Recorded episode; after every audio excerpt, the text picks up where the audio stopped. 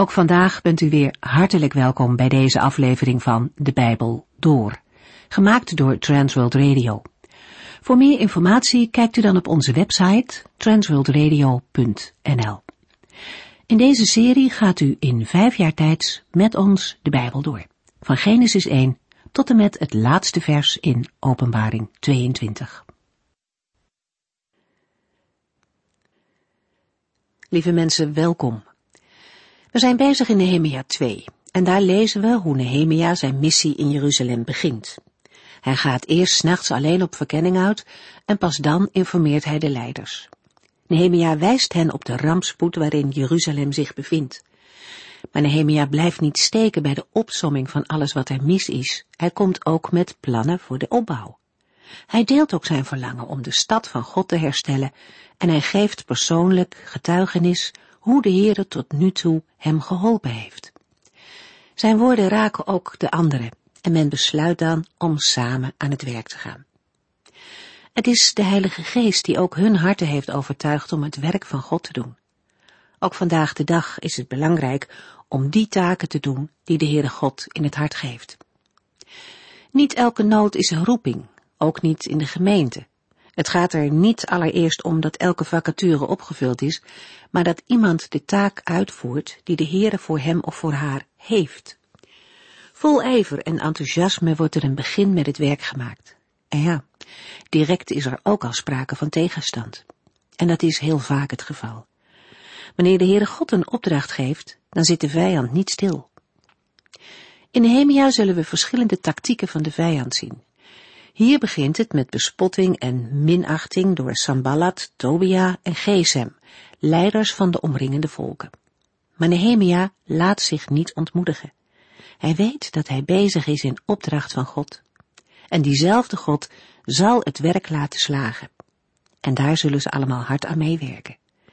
In hoofdstuk 3 lezen we wie waar bouwde. En daar gaan we nu mee verder. In de vorige uitzending hebben we een begin gemaakt met het lezen van Nehemia 3. Het hoofdstuk geeft een overzicht van wie waar werkte aan de muur van Jeruzalem. Uit allerlei dorpen en steden komen Judeërs helpen bij de herstelwerkzaamheden. Vanaf vers 4 begint de lijst van personen die aan de herbouw van de muur hebben gewerkt. Nehemia 3 vers 4 Meremot, de zoon van Uria, de zoon van Hakkos, herstelde het volgende stuk muur. Mesullam, de zoon van Berechja, de zoon van Mesesabel, en Sadok, de zoon van Baana, werkte naast hem. Meremot, de zoon van Uria, de priester, wordt opnieuw genoemd in vers 21. De zonen van Hakkos konden hun priesterlijke afkomst niet aantonen. Ezra 2 vers 61. Mesullam staat ook vermeld in vers 30 en Nehemia 6 vers 18. Ook Meselzabel, Sadok en Baana worden in andere Bijbelboeken genoemd. Nehemia 3 vers 5. Daar weer naast waren mannen uit Tekoa bezig, maar hun leiders staken geen hand uit om hen te helpen. Mannen uit Tekoa werkten aan het volgende gedeelte van de muur, maar de leiders van die stad doen niet mee en steken geen hand uit om hen te helpen. Volgens 2 Kronieken 11 vers 6 bevindt Tekoa zich in het gebergte van Juda en wordt het geïdentificeerd met een plaats die ongeveer 16 kilometer ten zuiden van Jeruzalem ligt. Ten oosten van Tekoa bevindt zich een woestijn. Deze mannen worden niet genoemd in de lijst van teruggekeerden in Ezra 2 en zijn mogelijk niet in ballingschap geweest. De aanzienlijke of leiders helpen niet mee. Het woordgebruik suggereert hardnekkigheid. Jeremia 27. Hun weigering kan te maken hebben met de invloed in de zuidelijke regio van de Arabier Gezem. Natuurlijk kan er ook een meer persoonlijke reden zijn. Zij voelen zich te goed voor dit zware werk. Een goed punt om even bij stil te staan. Ook in de kerk of gemeente zijn er altijd mensen die met bepaalde dingen niet mee willen doen. Het zit ook al een beetje in onze uitdrukking, het zijn ook altijd dezelfde die wel of niet meedoen. Hoe moet je daar als gemeentelid nu mee omgaan? Moet je tijd besteden aan mensen die geen zin hebben? Nehemia laat het rusten. Hij richt zich op de mensen die wel meedoen. Hij gaat niet lopen mopperen tegen de leiders van Tekoa. Hij gaat door met de mensen die wel helpen om de muur van Jeruzalem te herbouwen. Zijn er in uw kerk of gemeente ook mensen als de leiders uit Tekoa? Ga voor hen bidden. Zegen hen in de naam van de Heer en hoop zo vurige kolen van liefde op hun hoofd. Mogelijk doen zij de volgende keer wel mee. In Romeinen 12 citeert Paulus in het kader van probeer voor zover het van u afhangt met iedereen in vrede te leven. Vers 18. Paulus citeert spreuken 25 vers 21 en 22. Als uw vijand honger heeft, geef hem dan te eten. Heeft hij dorst, geef hem dan te drinken. Zo stapelt u gloeiende kolen op zijn hoofd en de Heere zal u daarvoor belonen. Nehemia 3 vers 6 Jojada, de zoon van Paseach, en Mesullam, de zoon van Besotja, repareerden de oude poort. Zij maakten een zoldering en brachten deuren, sluitbalken en grendels aan. Na deze vier groepen die aan de muur werkten, worden Jojada de zoon van Paseach en Mesullam de zoon van Pesotja genoemd. Zij herstellen de oude poort. Jojada kan de zoon van een tempeldienaar uit Ezra 2 vers 49 zijn. Paseach, de kreupele, zal wel een bijnaam zijn. De uitdrukking oude poort is vreemd, omdat het eerste woord mannelijk is en het tweede vrouwelijk. Een kleine wijziging in de schrijfwijze levert op poort van de Mishneh, de nieuwe stad, aangebouwd in het westen. De makkelijkste oplossing is de uitdrukking op te vatten als een verkorte zegwijze van de poort van de oude stad. De locatie van de poort moet in het westen gezocht worden, in de oude stadsmuur, in de buurt van de brede muur van vers 9. De Ephraimpoort, genoemd in Nehemia 12 vers 39, lag er dichtbij. Waarschijnlijk is de oude poort de eerste poort geweest. Nehemia 3 vers 7. Naast hen werkte Malatja uit Gibeon, Jadon uit Meronot en mannen uit Gibeon en Mispa, die onder het bestuur ten westen van de Eufraat vielen. Vanaf de oude poort werkten Malatja en Jadon, de mannen van Gibeon en van Mispa, de residentie van de gouverneur van de provincie Trans-Eufraat. Over Gibeon lezen we meer in Jozua 9 en 10. Meronot wordt alleen hier en in 1 Kronieken 27 genoemd en zal dicht bij Gibeon hebben gelegen. Mispa is versterkt door Asa en gouverneur Gedalja woonde daar na de val van Jeruzalem.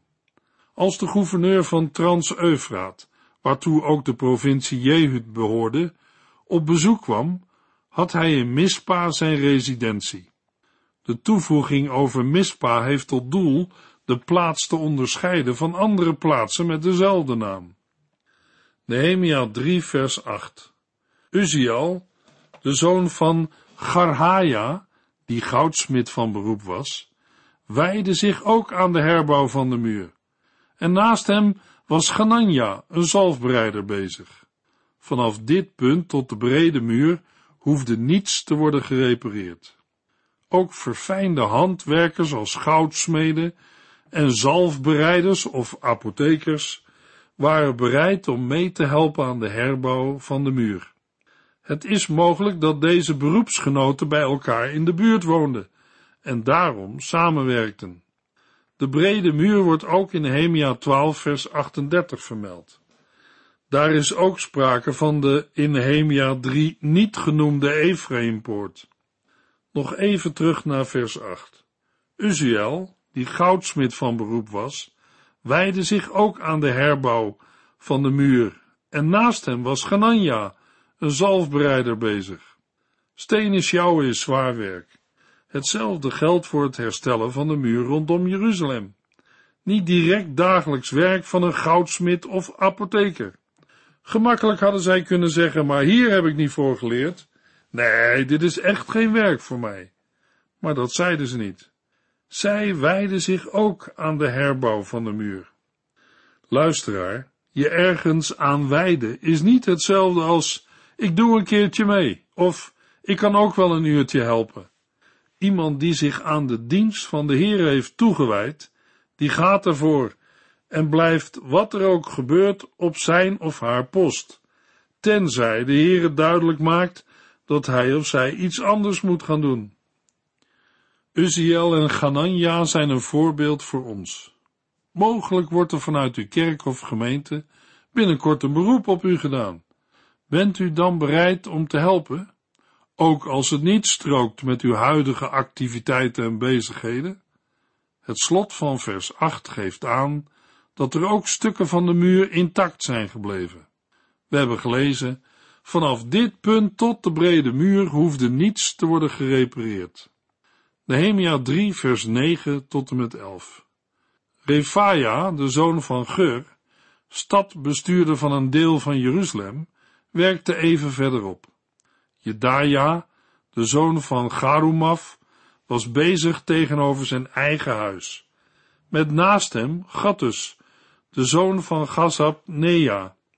De bakovertoren plus een deel van de muur werden gerepareerd door Malkia, de zoon van Garim, en Gasub, de zoon van Pachat Moad. Refaia betekent de Heere geneest. Vanaf vers 9 volgen verwijzingen naar leiders van de hele of halve districten. We zagen al eerder dat er leiders uit Tekoa waren die niet wilden meedoen aan de herstelwerkzaamheden. Maar er zijn ook leiders die wel meedoen. Een geweldig voorbeeld om na te volgen. Een ander opmerkelijk punt lezen we in het vervolg. Jedaja was bezig tegenover zijn eigen huis. Waar was hij mee bezig? Met het herstellen van de muur. En de muur verhoogde de veiligheid van de stad. Een stad zonder muur kon zo onder de voet worden gelopen. Jedaja is niet alleen bezig voor de gemeenschap in het algemeen, alle bewoners van Jeruzalem, maar ook heel concreet voor zijn eigen huis. Hij heeft er, omwille van zijn eigen gezin, het meeste belang bij dat er bij zijn huis geen bres in de muur komt. Juist daar is hij gemotiveerd om een stuk goed en degelijk werk te leveren. Hij zal zich er zeker niet met een Jantje van Leiden van hebben afgemaakt. De namen van de mannen die na Jedaja worden genoemd, komen we nog regelmatig tegen in de Bijbel. Pagat Moab betekent heerser van Moab. In vers 11 wordt de bakovertoren genoemd, die we ook weer tegenkomen in Nehemia 12 vers 38. De bakovertoren lag tussen de dalpoort en de brede muur. Mogelijk was in de buurt van deze toren de Bakkerstraat, vermeld in Jeremia 37 vers 21. De hoekpoort van 2 Koningen 14, 411 vanaf de Ephraimpoort, wordt hier niet genoemd. Op grond van de naam en Zacharia 14 is het aannemelijk dat de hoekpoort het uiterste punt van de stad aangaf. De noordwestelijke hoek van de nieuwe stad, de Mishneh, komt daarvoor het meeste in aanmerking. Het overslaan van de hoekpoort kan ook te maken hebben met het feit dat deze niet hersteld hoefde te worden. Nehemia 3 vers 12 Salem, de zoon van Haloches en zijn dochters herstelden een volgend gedeelte. Hij was de stadsbestuurder van een ander deel van Jeruzalem. Als Salem geen zoons had, is het begrijpelijk dat zijn dochters helpen. Ze krijgen een speciale vermelding, net als de dochters van Selofgat in nummer 27 en 36. De andere helft van het district is in vers 9 genoemd. De volgende poort die in Nehemia 3 wordt genoemd is de Dalpoort. Nehemia 3 vers 13. De Dalpoort werd in de oude staat teruggebracht door Ganun en de burgers van Sanoach. Deze poort kreeg deuren, sluitbalken en grendels. Zij herstelde ook 450 meter muur tot de aspoort. De Dalpoort ligt vermoedelijk in de zuidwesthoek van de nieuwe stad, de Mishneh. Daarna lezen we ook over een herstelde muur met een lengte van ongeveer 450 meter, een ongebruikelijk lang stuk. Waarschijnlijk was een groot gedeelte van de muur nog in een vrij goede staat. Ganun komen we weer tegen in vers 30. En Zanoach wordt in Jozua 15 genoemd als een van de steden die in het laagland lagen en aan Juda was gegeven. Al eerder zagen we dat de poorten van Jeruzalem een rijk typologisch panorama vormen van het christelijke leven. Vanaf het moment dat de mens tot geloof komt in Christus, tot het bereiken van het einddoel van het geloof. Het christelijke leven moet beginnen bij de schaapspoort, want het christelijke leven begint bij Christus, het lam van God. Openbaring 13 vers 8. Het lam is geslacht voor ieder mens, voor Adam en voor alle die uit hem zijn voortgekomen. Christus is voor allen gestorven, maar allen zijn ook met hem gestorven. En zo is de oude mens met Christus gekruisigd en begraven. Daarvan spreekt de dalpoort. Bij het woord dal denken we aan het dal van de schaduw van de dood. Daar moeten we allemaal doorheen. David sprak er al over in Psalm 23, vers 4. Zelfs als ik door een donker dal moet lopen, ben ik niet bang, want u bent dicht bij mij. De dalpoort heeft ook een praktische kant. Het is de kant van de menselijkheid, de kant van de nederigheid. De Heere laat in het leven van een mens soms moeilijkheden en bezoekingen toe, opdat wij daardoor iets kunnen leren. Door de Heilige Geest kan de Heer ons nederigheid leren, omdat wij Zijn grootheid zien in het licht van onze eigen kleinheid en nietigheid. Het zijn zaken die wij niet vanuit onszelf kunnen ontwikkelen. Nederigheid moet van binnenuit komen. Het is vrucht van de Heilige Geest. Nehemia 3 vers 14 Malkia, de zoon van Regab, bestuurder van het gebied Bet Hakerem, herbouwde de aspoort en bracht deuren, sluitbalken en grendels aan. De mest of aspoort is in het zuiden van de stad. De naam Regab komt vaker voor, bijvoorbeeld in 2 Samuel 4 vers 5. Het ligt niet voor de hand om te denken aan de Regabieten, want die bouwden geen huizen en woonden niet in steden. Bet Hakerem betekent huis van de tuin of wijngaard en is mogelijk Ramat Rachel tussen Jeruzalem en Tekoa. De aspoort is een poort voor de gezondheid van de stad. Door de aspoort werd het afval van de stad afgevoerd. Vandaag leidt die poort naar de klaagmuur. In geestelijk opzicht vindt reiniging plaats door beleidenis van onze zonde en het vragen om vergeving. 1 Johannes 1 vers 9. Maar als wij onze zonde bekennen, is God zo trouw en rechtvaardig ons die te vergeven. Dan reinigt Hij ons van alles wat we verkeerd hebben gedaan. Nehemia 3 vers 15. Salm, de zoon van Kolgoze, bestuurder van het gebied Misba, herbouwde de bronpoort, zette er een nieuw dak op en plaatste deuren, sluitbalken en grendels. Bovendien repareerde hij de muur van de vijver Siloam in de richting van de koninklijke tuin. Hij verrichtte tevens reparaties aan de trappen die leiden naar het gedeelte van Jeruzalem dat stad van David heet. De vijver Siloam of Siloach vinden we ook in Jesaja 8 vers 6 en Johannes 9 vers 7. De vijver ontvangt zijn water door een lang ondergronds kanaal vanuit de bron Gigon. Hier of in deze buurt was ook de koningsvijver van Nehemia 2 vers 14. Recente opgravingen maken duidelijk dat de vijver Siloam iets meer naar het zuidoosten lag. De vijver moet geïdentificeerd worden met Birkit el Hamra, wat aarde vijver betekent. Het gevonden bad is 70 meter lang en voorzien van veel treden.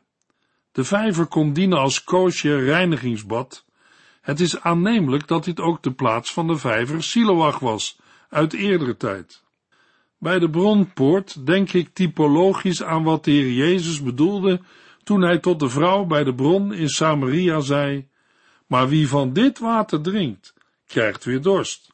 Maar wie van het water drinkt dat ik hem geef, zal nooit weer dorst krijgen. Dat water zal in hem een fontein worden, waaruit eeuwig leven komt. Johannes 4. En in Johannes 7, vers 37 en 38 zegt Jezus op de laatste dag van het Loofhuttenfeest: Als u dorst hebt, kom dan bij mij om te drinken.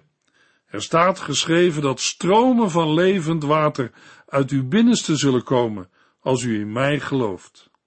Als een gelovige vol is van de Heilige Geest, dan is hij of zij niet alleen een bron of waterput, maar een fontein van levend water. Het bruist op en is een zegen voor anderen.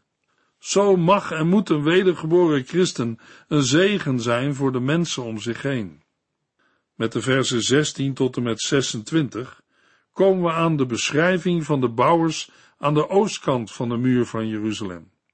Verderop is Nehemja aan het werk, de zoon van Asbuk, de overste van het halve district Betseur, tot tegenover de graven van David, en tot aan de aangelegde vijver, en tot aan het huis van de helden. De naam Nehemja wordt in het Hebreeuws hetzelfde geschreven als Nehemia, maar is niet dezelfde persoon. Betseur, ook genoemd in 2 Kronieken 11, is een kleine stad 20 kilometer ten zuiden van Jeruzalem. Met de koninklijke begraafplaats worden de graven van David en zijn nakomelingen aangeduid. Bij dit punt gekomen moest Nehemia van zijn rijdier afstappen vanwege het vele puin. Nehemia 2 vers 14. In het volgende stuk van de muur zijn levieten aan het werk. Regum, de zoon van Bani en Gazapja, de bestuurder van de ene helft van het district Keila. Verderop zijn bezig hun broers Benui, de zoon van Genadot, de bestuurder van de andere helft van het district Keila. Daarnaast herstelt Ezer, de zoon van Jezua, de overste van Mispa, een volgend stuk, tegenover het wapendepot, waar de muur een hoek maakt. Baruch, de zoon van Sabbai, herstelt vol ijver een volgend stuk, van de hoek uit vers 19 tot aan de ingang van het huis van de hoge priester Eliasib. Meremot, de zoon van Uria, de zoon van Hakkos, herstelt een volgend stuk van de ingang tot het eind van het huis van Eliasib. Verderop zijn priesters uit de omgeving van Jeruzalem bezig. Vers 22. Weer verder werken Benjamin en Gassub tegenover hun huis, en daarna Azaria, de zoon van Maasea, de zoon van Anania, naast zijn huis. Benui, de zoon van Genadat, herstelt een volgend stuk, van het huis van Azaria tot de hoek. Palal, de zoon van Uzai, was aan het werk vanaf de hoek tot de fundamenten van de hoge toren van het koninklijke paleis, naast de tuin van de gevangenis. Daarnaast werkte Pedaja, de zoon van Paros, en de tempelknechten die op de Ovel woonden aan het gedeelte tot de waterpoort. Nehemia 3 vers 26 De tempelknechten die op de heuvel Ovel woonden, repareerde de muur tot de oostelijk gelegen waterpoort en de uitspringende toren. De oval, wat zwelling betekent, is het gedeelte tussen de oude stad van David en de tempel. De waterpoort, ook genoemd in Nehemia 12 vers 37, moet verwijzen naar een poort in de oude muur die diende als toegang tot de oostelijker gelegen bron. Meestal neemt men aan dat de bron buiten de muur lag, maar recent is duidelijk geworden dat de bron al in de tijd van de Jebusieten werd beschermd door torens. Bij deze poort was een groot plein, waar Ezra de wet voorlas. Nehemia 8. Geestelijk gezien symboliseert de waterpoort het woord van God. Ezra begon op het plein bij de waterpoort de woorden van de Heere voor te lezen. Water is een beeld van het woord van God. De Heer Jezus zei hierover in Johannes 15, vers 3: Jullie zijn zuiver door het woord dat ik tot jullie gesproken heb. En in Johannes 17, vers 17 bidt de heiland voor zijn leerlingen: Maak hen zuiver en heilig door hen te onderwijzen in uw woord van waarheid. Ook in het Oude Testament lezen we woorden van gelijke strekking. Bijvoorbeeld de dichter van Psalm 119 vers 9 vraagt, hoe kan een jongeman zuiver leven? Het antwoord is, als hij zich laat leiden door uw woord. Een opwekking of een geestelijke opleving kenmerkt zich door een terugkeer naar het woord van God. Het Bijbelboek Nehemia geeft daarnaast in de hoofdstukken 8 tot en met 10 nog meer specifieke kenmerken van een geestelijke opleving. Omdat deze kenmerken ook voor ons belangrijk zijn, zet ik ze alvast op een rijtje. In Nehemia 8 vers 1 tot en met 8 lezen we over de terugkeer naar het woord van God. In Nehemia 8 vers 9 tot en met 12 over de droefheid en de vreugde voor de Here. In Nehemia 8 vers 13 tot en met 18 wordt het Loofhuttenfeest weer gevierd volgens de voorschriften van de Here. Daarin zien we gehoorzaamheid aan Gods woord. In Nehemia 9 vers 1 tot en met 37 lezen we over verootmoediging en het doen van boete, wat zich uit in openbaar schuldbeleiden. In Nehemia 9 vers 38 tot en met 10 vers 27 vinden we verbondshernieuwing vanuit het innerlijke. Dat uit zich in Nehemia 10 vers 29 tot en met 39 in trouwe naleving van de wet van de Heere. De Heere waakte over zijn eigen woord. Zijn woord moet worden verspreid en doorgegeven. De Heere vraagt al zijn kinderen om daaraan mee te werken en te getuigen van zijn grote daden. Zijn woord keert nooit leeg terug.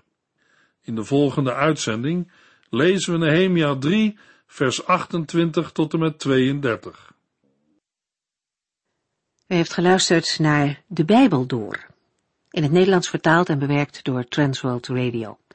Een programma waarin we in vijf jaar tijd de hele Bijbel doorgaan.